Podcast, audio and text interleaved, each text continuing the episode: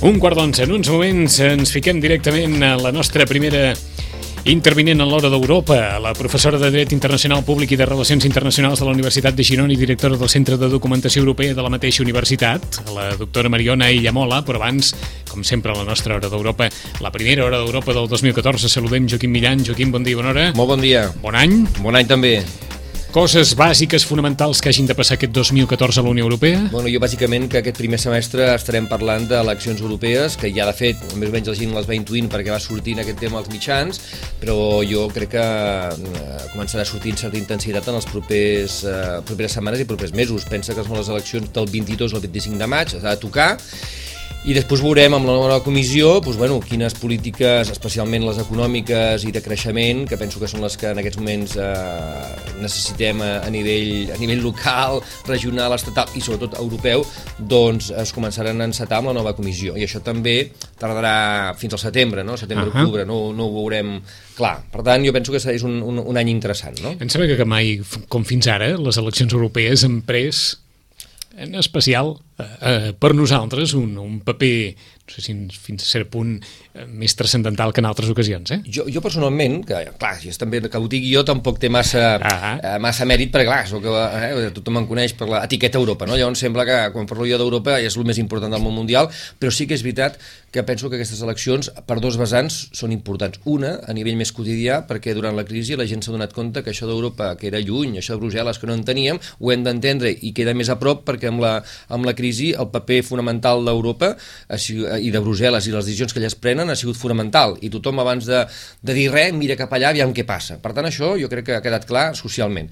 I segona, els que estem una mica més ficats en el tema o més entesos, i això jo crec que avui tenim dos convidats eh, que són especialistes en aquestes coses, ens podran dir que també en aquestes eleccions s'estan produint uns canvis que, com per exemple, eh, en aquestes eleccions no solament escollirem diputats, també acabarem escollint la, el possible eh, president o presidenta de la Comissió Europea, cosa que fins ara mai havia passat perquè el senyor Barroso poder era l'única figura important que en aquests moments eh, hi ha políticament i que també ens afecta, que no votàvem directament. No? I per tant jo penso que estan produint coses que, que estan canviant i bueno, com, tot, com tot el... Eh? Mm -hmm. que aquí també estan canviant coses. No? Per tant, vull dir, jo crec que és una època mm, divertida. No? Uh, per aquelles qüestions d'agenda tenim 12 minuts 12, ni 13 ni 11, 12, per saludar la professora Mariona Illamola. Ella és professora de Dret Internacional Públic i Relacions Internacionals de la Universitat de Girona. Professora Illamola, bon dia, bona hora. Hola, bon dia. Què és més important per Europa? Que França retalli 50.000 milions d'euros del 2015 al 2017 o que el seu president hagi estat enxampat amb una altra dona? Home, jo crec que és més important la, la retallada que no la, la vida privada del president de la República Francesa, no? Doncs què ens deu passar? perquè tinguem la mirada posada en les vides privades encara dels mandataris i sobretot de mandataris que com que no són els nostres eh, els mirem com un cert referent en, en el seu entorn i mira, a França també li passa això i França sembla que era una altra Europa que no era la nostra i, i que ara veiem que també retallen i els seus presidents també els hi passen coses eh, mm, continuem encara molts ciutadans de l'Unió comparant-nos eh, amb altres estats de l'Unió, no? Sí, però, a veure, tots els ciutadans de, de la Unió formem part d'un projecte comú, tot i que a vegades sembla que no, que no ens ho acabem de creure i actuem més per nacionalismes o amb mm. la idea del propi estat, que no amb tot el comú.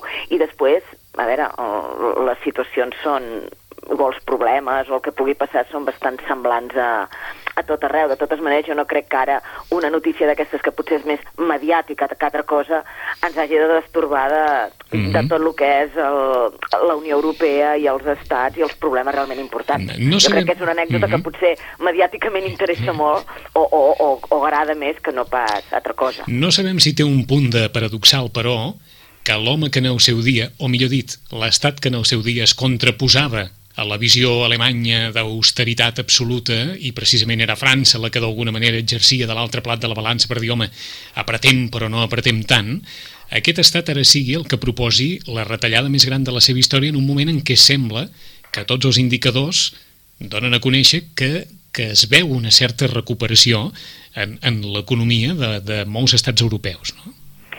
Sí, però, però jo crec que això um, és molt important que, que la ciutadania ho tinguem en compte i, i és important per... He sentit ara un moment una de les últimes coses que deia en Joaquim Millan i jo crec que és important de cara a les eleccions al Parlament Europeu. Per què? Perquè els ciutadans europeus podem decidir el model d'Unió Europea que volem i el model de, de projecte de construcció europea que volem.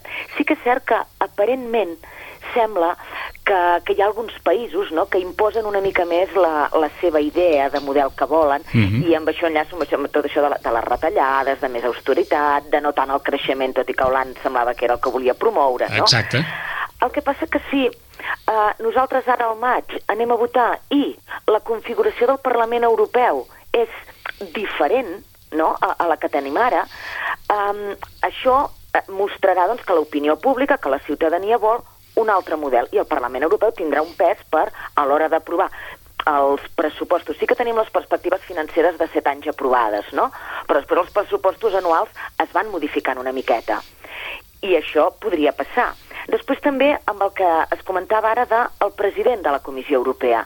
A veure, és importantíssim perquè el president de la Comissió Europea és el que marca les prioritats polítiques en les quals la Unió Europea vol legislar. Que després la proposta que fa la Comissió és modificada pels estats en el Consell de la Unió, evidentment, però també pel Parlament. Per tant, si nosaltres ja ajudem a, a que hi hagi un Parlament Europeu amb una composició no tan propensa a retallades, sinó que la volem més de, de caires més, a, a, amb, unes, amb unes prioritats més socials, per exemple. -hmm. I el president de la Comissió Europea també és, eh, té aquestes sensibilitats, el model de construcció europea, el model de la Unió Europea i de les polítiques que finalment els ciutadans eh, ens aplicaran serà diferent. Eh, però us preguntaríem, professor Illamola, quantes persones poden, no sé si dir, si amb prou feines a vegades coneixem els nostres, podem arribar a conèixer als candidats o als qui poden arribar a president de la, de la Comissió Europea si ara Barroso ens pot semblar una persona que, que continua quedant molt lluny i que apareix de tant en tant per dir eh, alguna declaració. Veritablement, des de, des de la nostra posició, deixant davant d'aquells que puguin dir mirin, votem el que votem i després passa el que passa, eh, algú pot tenir una certa no sé si dir presència o consciència del paper que pot exercir determinada persona hores d'ara molt desconeguda per una bona majoria que pot arribar a ser president de la Comissió Europea i, per tant, una de les persones que més pot marcar uh, el destí de tota la Unió? Uh, jo crec que aquí tenim una feina molt important, potser jo diria tres, tres col·lectius, val? Uh, pensant una mica així ràpidament. Eh? Per una banda, els partits polítics, evidentment, perquè són els que faran la campanya electoral. I, malauradament, eh, moltes vegades a les campanyes electorals, a les eleccions europees, els partits polítics fan campanya electoral en clau interna. Mm. I ara més que mai, segurament, eh? Evidentment, evidentment. Eh, llavors, doncs, potser eh, ells mateixos haurien de, per una banda, a l'hora de proposar els seus candidats, proposar persones que entenguin el projecte de construcció europea, que sàpiguen de la Unió Europea, que creguin en tot això i que vulguin treballar i no posar pues, potser alguna persona que, bueno, mm, que, que tot això encara no ho entén massa, val? i després, quan facin la campanya, prioritzar els temes europeus i explicar què és el que es va fer, què és el que pot fer el Parlament Europeu eh, quan està a Luxemburg, perdó, quan està a mhm. Estrasburg treballant o quan està a Brussel·les. Val? Per altra banda, els mitjans de comunicació. Jo crec que també i justament vosaltres amb aquest programa eh, ho, ho feu moltíssim, no?, de eh, propiciar i explicar què és Europa, però hi ha molts mitjans de comunicació que ara, quan comenci la campanya, doncs potser el que faran serà preguntar sempre en clau interna. Doncs, doncs no, anem a veure la vessant europea, perquè són unes eleccions europees. I després també eh, les persones que ens dediquem a temes europeus i, per exemple, arreu del territori eh, de tota la Unió Europea hi ha els centres Europa Directa, que, que som com un enllaç no? de la Comissió Europea amb la ciutadania, doncs també nosaltres tenim aquesta missió d'explicar la importància. Jo crec que també serà interessant veure que per primera vegada en els cartells polítics eh, del, de cada partit polític veurem qui es presenta com a candidat eh, en aquí, no, a Catalunya, però també veurem qui aquest partit presenta com a candidat a nivell de president de la Comissió Europea. Llavors ens apareixerà una cara, no?, mm -hmm. visualment d'una persona que dius, ah, i aquest? Llavors jo crec que això pot servir, és una iniciativa del Parlament Europeu, pot servir molt perquè els ciutadans ens hi anem acostant una miqueta més i ens sentim més partíceps. És a dir, coneixerem els candidats a president de la Comissió Europea sí. a través de les llistes dels partits que, que formin part de, de les eleccions europees? I a través de la, de la campanya electoral uh -huh. que ells faran i de les banderoles típiques que veus, sí, aquestes sí, sí, coses. Sí. sí, això és una recomanació que ha fet el Parlament Europeu que jo suposo que, que els partits seguiran. Ara, amb perdó, en tres mesos creieu que hi ha temps amb tota la trifulca que tenim aquí de, de no sé si dir de poder singularitzar a, a, a algú o de poder anar més enllà de, de, del tema que molts us ocupa ara per parlar una miqueta en, en clau europea?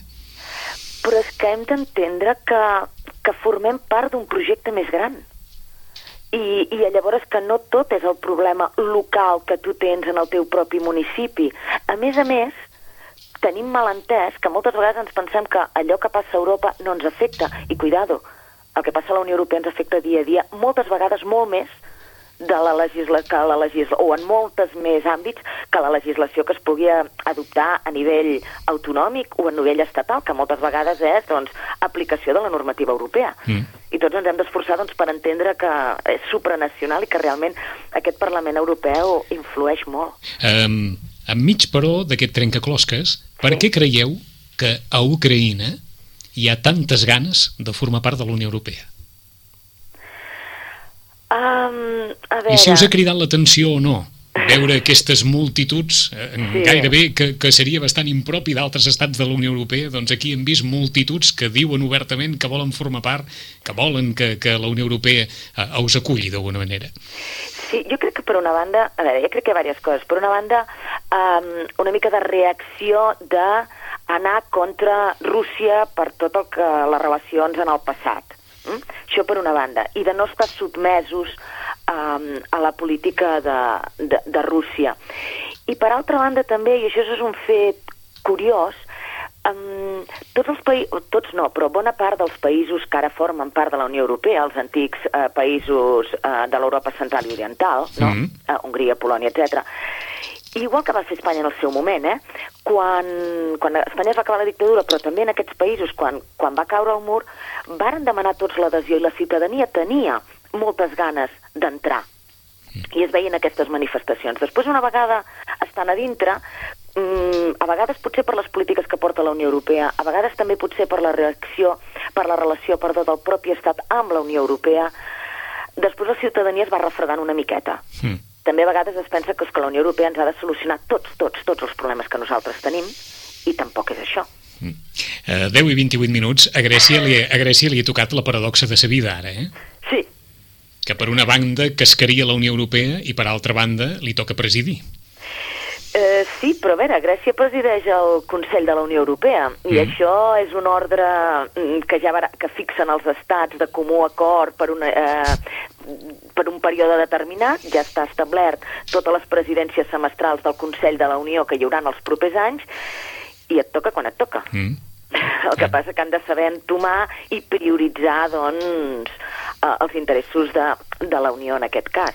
Aquesta Unió el 2014 Mm, ha d'intentar també d'alguna manera, no sé si dir, reconduir estats emocionals de, eh, que es poden sentir hores d'ara veritablement descavalcats de, de, del que és l'Unió. Grècia es pot sentir allunyada, enormement allunyada d'aquesta Unió Europea que ara presideix? Però jo torno una miqueta al que deia al principi. És el model que volem, quin model volem.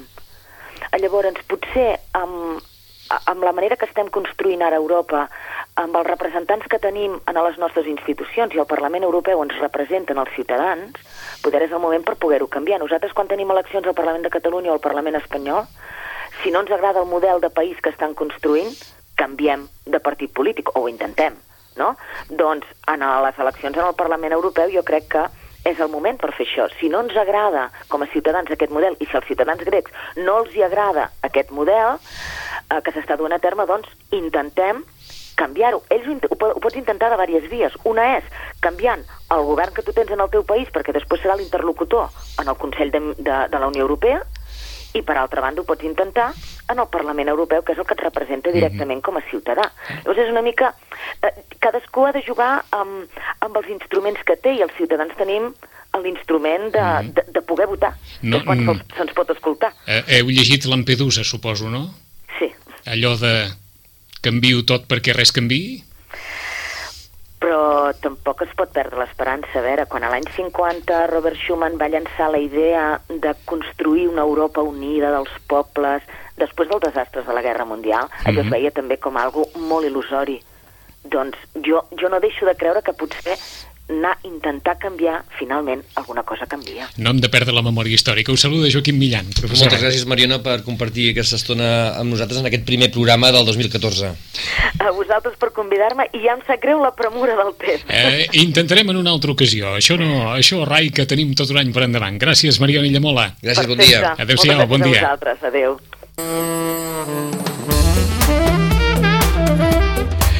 Joaquim, ajuda'ns. Què és la Comissió Europea? Bueno, la Comissió Europea, eh, diguem-ne que és l'òrgan, eh, diguem executiu, eh, a, a nivell europeu, a diferència de lo que podria passar aquí a Catalunya o a l'estat espanyol, perquè ens entenguem, tenim tres institucions mm, que, que donen joc. Una és el Parlament, i el Parlament ho entenem clarament perquè aquí tenim els referents, també anem a votar, hi ha eleccions, uh -huh. etc S'ha de dir que és un Parlament que quan es va constituir el Parlament Europeu no tenia ni la meitat de les competències que té ara i per tant ni la meitat del poder que té ara i per tant ni la meitat de la força que té ara. Per tant ara tenim un Parlament Europeu que a més amb el darrer tractat de Lisboa ha seguit augmentant competències i aquesta força. No? Per tant, aquest tema que ho sapiguem. Mm -hmm. Europa té un Parlament. Un Parlament Europeu Eh? Ja no parlo de les tres seus que té, bé, mm. perquè ens liaríem. Perquè és una altra de les qüestions eh? que, que, que, ja vam parlar un dia. Que ja vam parlar un dia. Els francesos, tenim... els, sembla mentida, eh? els francesos que retallen 50.000 milions són els que diuen no, no, no, no. Això aquí mantenim, a Estrasburg mantenim la seu. Una vegada al mes s'ha de, de, de venir aquí, s'ha de fitxar. Eh? Hi ha un Parlament Europeu, ho tornem a recordar perquè sempre va bé refrescar la memòria. I després una mica, si anéssim a, a veure l'executiu, l'executiu aquí té, és bicèfal, té dos bandes. Una que és el que seria el Consell, que és la reunió dels primers ministres o caps de govern dels 28 estats membres actuals, uh -huh. eh, que són aquelles fotos cada sis mesos, Just. a vegades d'una manera també extraordinària, reuneixen per algun tema també important alguna altra ocasió a l'any, però normalment són dues vegades l'any es reuneixen ells, eh, i després hi han les reunions dels sectorials, dels ministres, a vegades veus el de Guindos entrar en aquelles reunions on hi ha uh -huh. tots els ministres d'Economia i tal, Aquest, eh, això és el Consell, Eh? I després tenim la, la, la, el, braç de, el braç executiu, que és la comissió, eh? el que serien aquí els ministres, no? que allà es diuen comissaris, que tenen un president, que és el, el senyor Barroso, que, com deia molt bé la, la, la doctora Iñamola, pues, esclar, està, està posat a dit, perquè ens entenguem, eh, pel vistiplau d'aquests 27, en aquella època ara 20, seran 28 uh -huh. estats membres que diuen posem el Barroso, posem el Barroso. És per a dir, això... era el Consell el qui decidia el president de la comissió. Sí, d'una manera... Per entendre'ns així d'una manera. El Parlament, el Parlament ha de donar el vistiplau, però uh -huh. bueno, d'aquesta manera era clarament eh, una persona que no, nosaltres, de, de manera indirecta, perquè nosaltres hem, hem votat, per exemple, el senyor Rajoy, el senyor Rajoy allà decideix que sí. diu serà el Barroso, és una manera de dir, bueno, indirectament, eh, per democràcia indirecta, sí, però bueno, no ens enganyem. Nosaltres Eh, no teníem l'opció de decidir quin president o presidenta tindríem de la Comissió Europea. D'acord. Ara com funcionaran Ara, aquestes eleccions? en aquests moments ja, ja a través del Tractat de Lisboa hi ha l'opció de, moment donat, de segons la majoria, perquè podia passar que la majoria del Parlament fos d'una cosa, però que en aquell moment els presidents de govern d'aquests 27 uh -huh. fossin d'una majoria contrària i el president de la comissió fos ideològicament contrari a la majoria del Parlament que s'havia produït en aquell moment. Imagina't tu el que podia passar, uh -huh. no? Clar, ara què passarà? Que primer haurà d'haver-hi una majoria, o sigui, el candidat serà el president a l'opció majoritària mm -hmm. del Parlament Europeu. O sigui, nosaltres continuarem votant els nostres representants al Parlament el, Europeu. Però amb una, fot, una fotito al costat, que... que ens entenguem, que dirà, nosaltres, socialistes, posem el cas, perquè ho dic els socialistes perquè són els que en aquests moments ja tenen un candidat més definit, que ja sabem mm -hmm. qui serà, que és el senyor Martin Schulz, que ja ha vingut alguna vegada aquí, i que a més ara en aquests moments és una persona, certament, pels que ens dediquem a això, coneguda, perquè és l'actual president del Parlament Europeu, alemany eh, i eh, els socialistes d'arreu d'Europa, de, quan facin campanya, a part del seu candidat, uh -huh. la seva llista, posaran la foto del senyor Schultz i segurament el senyor Schultz en algun moment de la campanya vindrà corrents amb l'avió, vindrà a Madrid, a Barcelona o on toqui i sortirà allà i el veurem i direm què fa aquest senyor parlant aquí? Oh, és que aquest és, si guanyem i tenim majoria al Parlament Europeu serà el nostre candidat perquè sigui president de la Comissió Europea. Per o tant, sigui, vostès... No... I a més a més haurà d'estar en una llista. Segurament ah. serà, a més, el que estarà a la llista eh, a Alemanya, no? D'acord, o sigui, no serà el Consell, no seran als caps dels 28 estats, als que elegiran d'una forma molt directa el president de la Comissió Europea, sinó que es farà a partir dels resultats de les eleccions al Parlament Europeu. Correcte. De tal uh. -huh. manera que si hi ha un dia una crisi com la que hem patit, el senyor Martin Schulz segurament haurà tingut que vindre aquí, haurà agafat un prime time a, TV, a Televisió Espanyola, uh -huh. a TV3, dirà ciutadans eh, espanyols, catalans, europeus, eh, estem fent això, estem fer... El senyor Barroso no ha tingut que dir, ha tingut que parlar amb els 28, i si m'apures amb 4 i dir, escolta'm, farem això, farem allò. Vale punto, perquè mm, que, que tu i jo a, a, ens caigui simpàtic o no li importa un pito. Mm? En canvi, el senyor Schulz o qui sigui, eh, li interessarà. D'acord, estarà li... més interpel·lat pels resultats I, electorals. Evidentment, i, i, i tindrem allò de l'índex de popularitat, uh mhm. -huh. i l'eurobaròmetre, i si es pensa que el president de la comissió està millor considerat, per uns, per als altres, els del nord, els del sud, entrarem en aquest joc que fins ara no entràvem. Com ens deia en Joaquim, hem parlat de Martin Schulz, perquè és el candidat a hores d'ara més sí, conegut, més conegut, o com a mínim que ja s'ha donat a conèixer. Eh? ja han dit, aquest serà el nostre candidat. No? Quants n'hi poden haver? Tants com formacions polítiques sí, es presentin? Sí, sí. El que passa que jo crec que eh, els que acabaran sent el que deies tu, coneguts, entre cometes, mm -hmm. seran doncs, l'opció socialdemòcrata, els demòcrates cristians o populars, els liberals, els verds, etc. Aquestes serien les quatre grans És a dir, famílies. Entre, entre 4 i 5 4 i 5, candidats. Eh, candidats seran els més reconeguts en aquests moments. Eh? A l'altre costat del fiu telefònic saludem a un advocat especialista en dret de la Unió Europea i de la competència, president de Joventut Europea Federalista de Catalunya, ara també d'Espanya, i membre del Comitè Federal de la Unió Europea Federalista. Porta més de 15 anys vinculat a moviments associatius europeistes, és el senyor Pablo Faura. Pablo Faura, bon dia, bona hora. Hola, bon dia. Eh, suposo que això, el que acabem de comentar, és, encara que no ho pugui semblar, un avanç d'aquells monumentals, que els ciutadans d'Europa puguin arribar a escollir a través de eh, la seva simpatia cap a diferents formacions polítiques qui pot ser el president de la Comissió Europea, ja és un què important, no? Home, jo crec que sí, jo crec que sí, és un pas important, eh, no és l'únic i esperem que donem moltes més passes per, per avançar aquest eh, procés, però evidentment, a vegades eh, jo quan sento això, clar, és que no triem el, el Dura Barroso o el, el, no, el president del Consell o de la comissió, etc. Bueno, mm, és el que explicava una mica ara el Joaquim, no? Eh, el Rajoy tampoc eh, li trem directament, ni el president Mas, eh, directament. Nosaltres votem als eh, partits i d'aquí el, els parlaments respectius eh, trien el, el, el, el, qui serà el president no? de la mhm. comissió, mm -hmm. en el cas de, de, d'Europa de, o en el cas nostre el president de la Generalitat o el president de, de l'estat espanyol. Uh, però, però, però, evidentment, si tenia almenys una cara, si sabem què estem votant, és un, és un pas molt important. Uh, um, li preguntàvem fa uns moments a la professora Mariona Illamola mm, el que està passant a Ucraïna i si mm. d'alguna manera eh, vaja, bàsicament a Europa li interessa estar bé amb Rússia Eh, hi ha molts ucraïnesos que no voldrien veure Rússia ni en pintura, però com que a Europa li interessa estar bé amb Rússia i Rússia té el gas i totes aquestes coses, doncs hi ha, hi ha certes renúncies que no es poden, que no es poden obviar a l'hora d'encarar de, el futur. Això és així o no? Com, com valoreu, com m'heu vist el que també hem vist nosaltres durant aquestes festes de Nadal que, que passava a Kiev, aquella Kiev monumental, eh, eh, i veure la ciutadania tan literalment alterada per, per una tensió entre, entre territoris i entre poder, en el fons. Mm -hmm. Home, precisament jo crec que l'exemple que esmentes, aquest d'Ucraïna, és un bon exemple uh, de com a vegades nosaltres perdem la perspectiva, no? Quan, quan entrem a, una, a un discurs de que Europa que té molts defectes, que el projecte europeu que, que, no, que no va endavant, que Europa no és democràtica, etc. Europa és un, és, és, és un referent mundial des del punt de vista de, eh, de llibertats i de democràcia. I el que ha passat a Ucraïna és, és, és un, eh, una, un, clar, un clar senyal d'això. Eh, el que, que estan dient els ciutadans que s'han manifestat de massa no? a favor d'apropar-se a la Unió Europea doncs que volen ser això, volen accedir a, al que nosaltres tenim, volen accedir a un espai de llibertat com, com el nostre, volen accedir a una democràcia eh, occidental eh, i no a, a estar submes, submesos com, eh, diem, al, als interessos, com, com comentaves, eh, de, de, de Rússia. Sí, dic que això ens ajuda una mica a mm, prendre perspectiva eh, de què és la Unió Europea i com, eh, i com realment el món eh, és una referència. I amb tots els efectes que té, que té molts, i nosaltres som els mateixos, i nosaltres a la som els mateixos, que som molt crítics eh, i que volem moltes eh, més coses i més democràcia, etc. Però això no s'hauria de fer la, eh, perdre la, la perspectiva.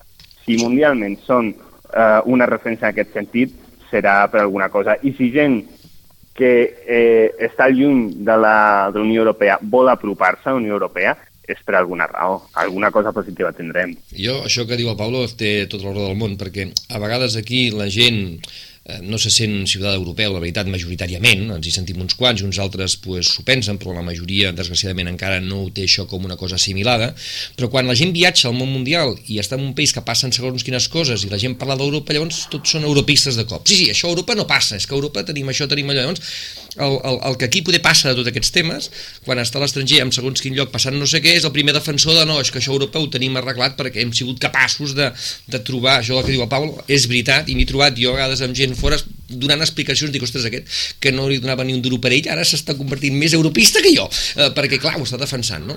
I tornaríem una mica el que deia el Pablo, amb això d'Ucrania tornes a veure com aquelles tres paraules màgiques, democràcia, progrés i pau, que van fer que en moment donat de la Segona Guerra Mundial hi hagués el primer projecte europeu, i nosaltres el 86, quan vam entrar, la gent aquí era entusiasme perquè deia, democràcia, eh? allò que deia ell també, una democràcia sanejada, eh?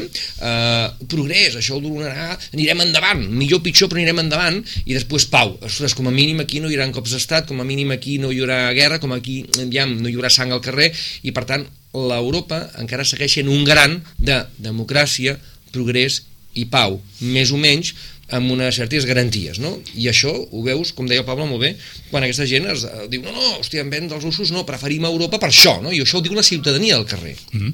uh, senyor Faura, aquestes eleccions europees no seran com, com les anteriors, no?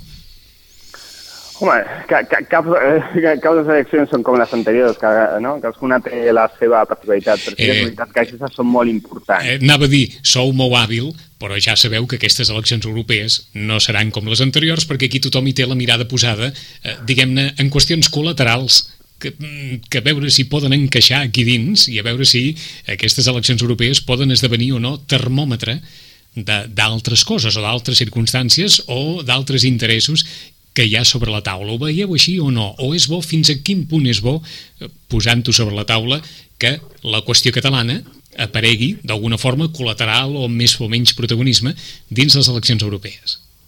Ja, eh, jo penso que els partits catalans, eh, lògicament, eh, dins de bueno, les seves propostes, han de parlar de les coses que preocupen a Catalunya. Però això no hauria de mm, fer perdre la perspectiva de quines eleccions eh, tenim endavant i què estem triant, triant perdó, i, i, no, i, no, i, i el que estem triant és un Parlament Europeu, i és quin projecte europeu volem i cap a on volem anar en Europa, si volem una Europa més oberta o més tancada, si volem eh, una Europa de lliure circulació de treballadors o de restriccions a, com està començant a, a, a passar no? de, de la circulació interior.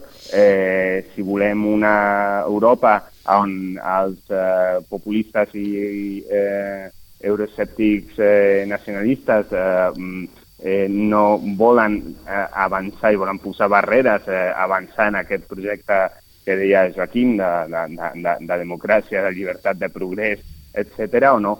I això és el que s'està votant eh, és lògic que els partits catalans, mm, per, vaja, no, no només és lògic, és necessari que parlem d'això, però no hem de perdre, en la meva opinió, la perspectiva del que estem votant. Mm. No, no, no només exclusivament això. També és cert que les europees, eh, jo crec que aquesta vegada podem donar el tom, i per això fer pedagogia, com deia també el Paulo, i en aquest programa ho fem sempre, de que mm, les eleccions europees són per parlar d'Europa, això és cert, però no se'ns escapa que sempre s'acaben utilitzant per parlar de temes locals. Aquí a Catalunya parlem d'aquest tema, poder, uh, uh, en aquell moment el Rajoy el Rubalcaba, mm -hmm. bueno, depèn de com vagi això, vol dir que mm, a les properes espanyoles nosaltres tindrem més... Això és lògic fins a cert punt, no hauria de ser. Jo crec que aquí hi ha una cosa que la, la doctora Mar uh, Illamola no ha dit avui, però que jo l'he sentit dir, que era hauríem de polititzar les eleccions europees. És a dir, no tan sols parlar d'això que diu el Pablo, que és cert, sinó dir, bueno, quina Europa volem, quin model, ella ho ha dit això, quin quin model volem. I ens estem jugant això, perquè després passa el que passa amb la crisi durant 5 anys i, i no ens agrada el model d'Europa que tenim. Bueno, ara és el moment per decidir una mica, perquè és l'eina que tenim de votar, mm, quin model d'Europa volem pels propers 5 anys cap al 2020, no? I això Pablo ara ho també ho deia, no? de dir, bueno, hem de parlar, no, és evident que parlarem dels temes locals, però aquests no han de ser la prioritat, la prioritat és ostres, quina Europa volem no? davant, de, davant dels propers anys que ens venen. No? I això serà possible en aquests 3-4 mesos, abans de maig, amb, amb tot el que tenim sobre la taula, li preguntàvem el mateix a la professora Illamola, hi haurà temps de poder plantejar eh, tot això amb, eh, diguem-ne, amb tota la circumstància que vivim aquí ara? Uh, home, temps n'hi ha. sí, el, el problema és si ja si tindrem voluntat. A més, eh, sí que eh, tinc la sensació que quan, a, a quan es parla d'Europa sembla una cosa molt complexa, molt complicada. En realitat no, no, no ho és tant. Aquí hi ha un problema de base, que és eh, la manca d'opinió pública europea. Sí, el sentit de... Eh, eh, la, parla dels problemes europeus des d'una perspectiva europea i no local, com, com estava comentant ara, ara el Joaquim, però eh, precisament unes eleccions europees són l'oportunitat per, per, per canviar això eh, i per parlar. És, és, és fonamental el que ha dit el Joaquim. Sigui, parlem quin és el model d'Europa que volem eh, de cara al futur. Aquesta és la, aquest és, és, és el fet fun fonamental del que hauríem mm -hmm. de debatre. Per, explicar, per, evidentment tenim temps. Mm -hmm. Per explicar-ho bàsicament, perquè això és una frase tan feta aquesta de quina Europa volem, com què volem de tal, fins que, fins que no ho arribem a sistematitzar del tot, és una Europa més a l'alemanya o és una Europa més a la francesa? O a la francesa que propugnava França fins fa quatre dies abans de, uh, abans de retallar? Bueno, d'entrada, això, clar, una, una, una Europa a la francesa, a l'Alemanya, o sigui, realment ha, ha de ser una Europa europea.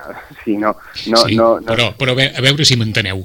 Eh, és clar que ha de ser una Europa europea, però amb 28 estats dins de la Unió Europea eh, eh, hem d'intentar, eh, agafant l'argument que ens deixàveu, de fer-ho tot una miqueta més fàcil, sí. hem d'intentar, suposo, que marcar una certa tendència. Hi ha una Europa, hi ha una Europa diguem-ne, que tira més cap a l'austeritat i hi ha una Europa que tira menys cap a l'austeritat? Sí? Home, jo, jo crec que sí, però eh, això passa, això no és, és Europa, és a Catalunya, és a Espanya, oh, esclar, és arreu, en realitat. Oh, esclar, realitat... però, però hem de suposar que dins de l'Europa que volem deu haver com a mínim dues tendències. Una Europa que vol més o que tira més cap a la línia d'austeritat i una Europa que tira més cap a, a una línia més flexible en aquest aspecte. I tant, i això és una, bueno, aquesta és una de les coses que s'han de confrontar en aquestes eleccions, però sempre la perspectiva europea. Eh, de fet, eh, això que parlava abans, de, eh, el fet de que tinguem més clarament els referents, fins i tot personals, de eh, les diferents opcions, o sigui, el fet de a qui, eh, quins seran els, seran els candidats eh, de, cada, de cada partit família europea, uh mhm. -huh. és molt important en aquest sentit. És, eh, eh, és a dir, el Martin Schulz eh, és, eh, és alemany, és president és, és alemany, però eh, representa a Socialdemòcrats, o sigui, al, al, al, a la família socialista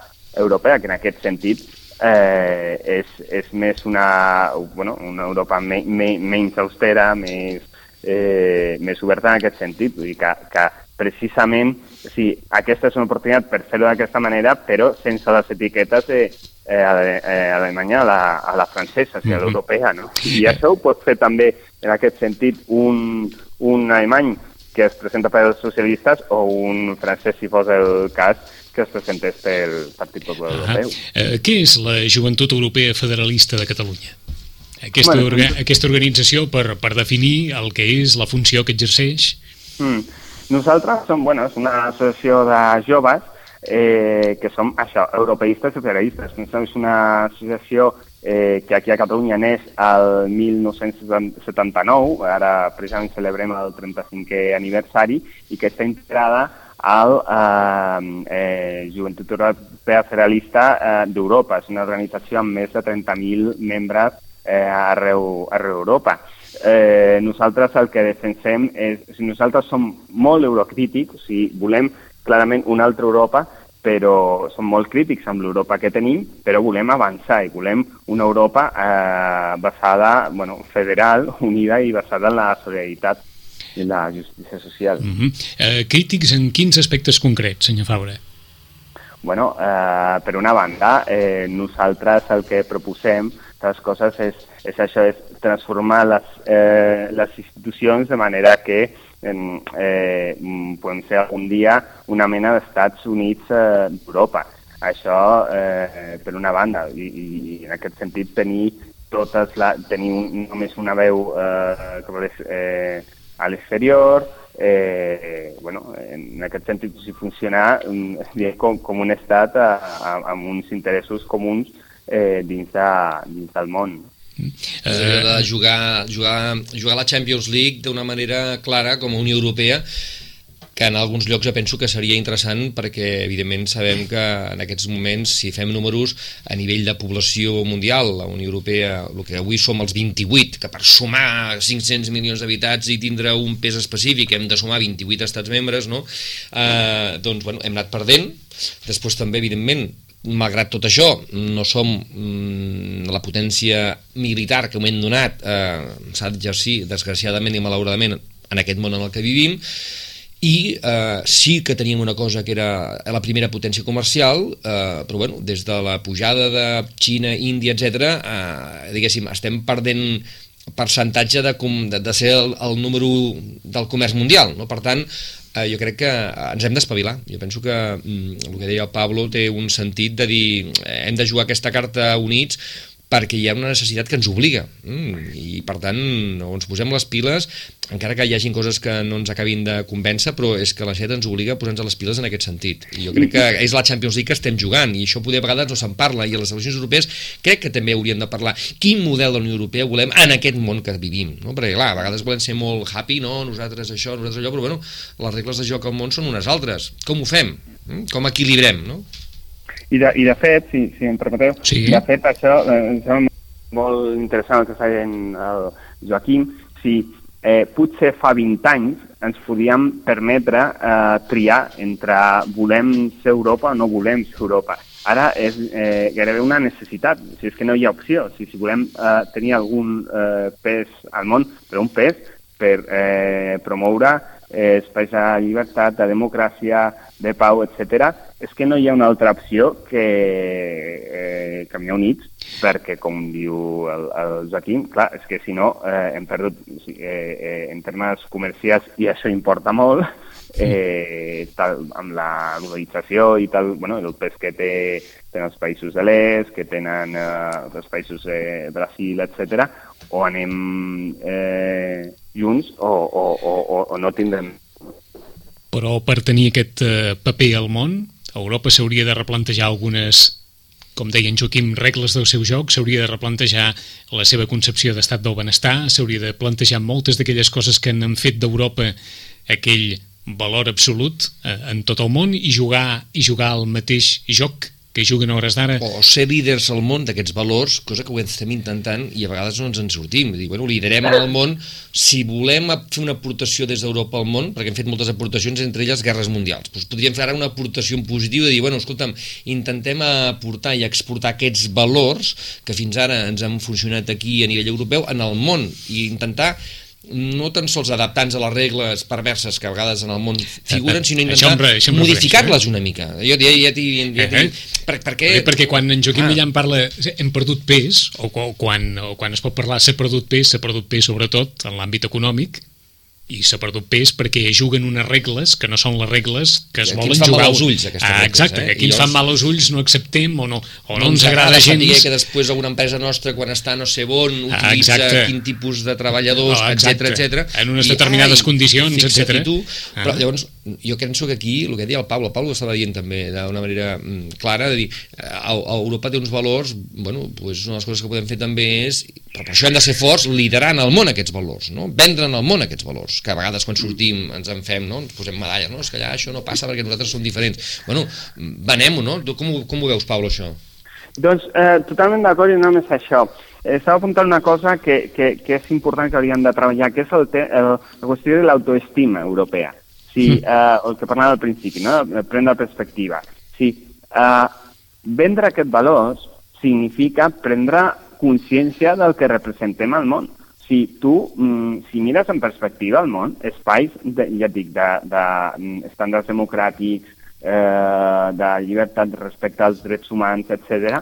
fora la Unió Europea, mm, tampoc és que n'hi hagi cap cosa, cap país, evidentment, sí, bueno, eh, els eh, Estats Units i Canadà, etc., és un espai de democràcia, per exemple, als Estats Units continua vigent la, la pena de mort, cosa que aquí està prohibida per la Convenció Europea de Drets Humans, etc. Vull dir que, que, que realment eh, eh, és eh, l'Unió Europea és una absoluta excepcionalitat dins del món en aquest, en aquest sentit. El que passa és que a vegades perdem la perspectiva i no s'adonem, eh, però som una referència en aquest sentit.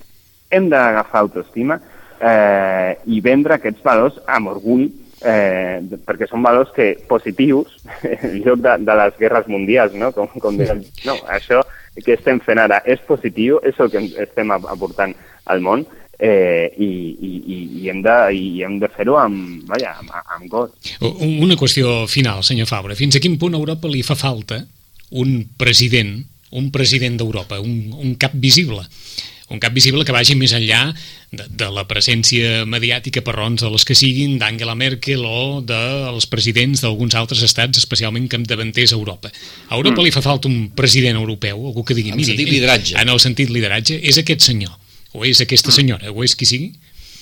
Mm. Bueno, aviam, eh, això eh, és una qüestió discutible del que parlàvem abans, no? i és una qüestió més de, de sistemes polítics. Però jo penso que eh, això és important precisament per la, la manca de referència que tenim, no? A vegades la, la percepció eh, de la ciutadania de què és exactament Europa, qui mm -hmm. mana, qui... Eh, Exacte. Crec que seria Sí, eh, que, que per mi no és una cosa absolutament imprescindible i ja et dic, mm, eh, realment eh, altres eh, temes eh, no funciona així, que, que, que fora sistemes presidents eh, moltes democràcies no, no tenen un, un president que mana en tot, etc.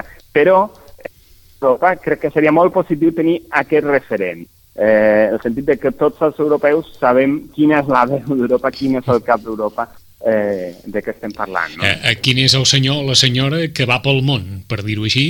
Mm. Clar, ja. de, o sigui, o sigui, com a referent exacte. per nosaltres i per la resta del món. Exacte, exacte. Eh, eh, això és una d'aquelles qüestions que potser aquest nou model d'eleccions en el qual la ciutadania a través de les diferents formacions polítiques escollirà més o menys directament o com a mínim més directament que abans el president de la Comissió Europea pot ajudar? Jo crec que això pot, pot ajudar molt, evidentment. O sigui, tenir eh, eh, el sentit de que la gent mm, sàpiga què està votant i a qui està votant. I això és molt important. També ajudaria molt eh, una presència més intensa eh, de la, eh, bueno, de la, eh, de la senyora eh, Ashton mm -hmm. en qüestions exteriors, que eh, malauradament, això ja és una, una opinió personal, eh, està una mica absent d'aquest panorama. Uh, uh, Lady Absent li diuen, no? jo li dic, bueno, la dic, Això queda entre nosaltres, Pablo, no pateixis. Però, ah, però fora, fora de la qüestió relacionada amb Iran, en què ella sí que va ser protagonista, mm Sí, bueno, eh, se l'ha vist poc, no? Se l'ha vist poc. Massa no poc. Sé, massa poc. Bueno, de, menys, menys fins i tot que el, que el Javier Solana quan, quan ell era Mr. Pes, eh, malgrat que ell tenia menys eh, mitjans per fer la seva, la, la seva feina. Ara, eh, algú, algú m'ha dit que el Javier Solana va fer el nom, Mr. Pesc, i el nom ha fet a l'altre que no la coneixia ningú, no? doncs, entre altres coses, aquesta capacitat de trobar algú que lideri, algun referent, sobretot per aquesta comunitat enorme de ciutadans i ciutadanes que formen la Unió Europea. N'hem parlat amb Pablo Faura, advocat especialista en dret de la Unió Europea. Pablo Faura, gràcies per estar aquí matí amb nosaltres. Gràcies, Pablo, fins la propera. Gràcies a vosaltres. Bon gràcies, adeu-siau. Són les 11, notícies en connexió amb la xarxa. Joaquim, gràcies. A vosaltres. Fins la propera. Fins al mes que ve.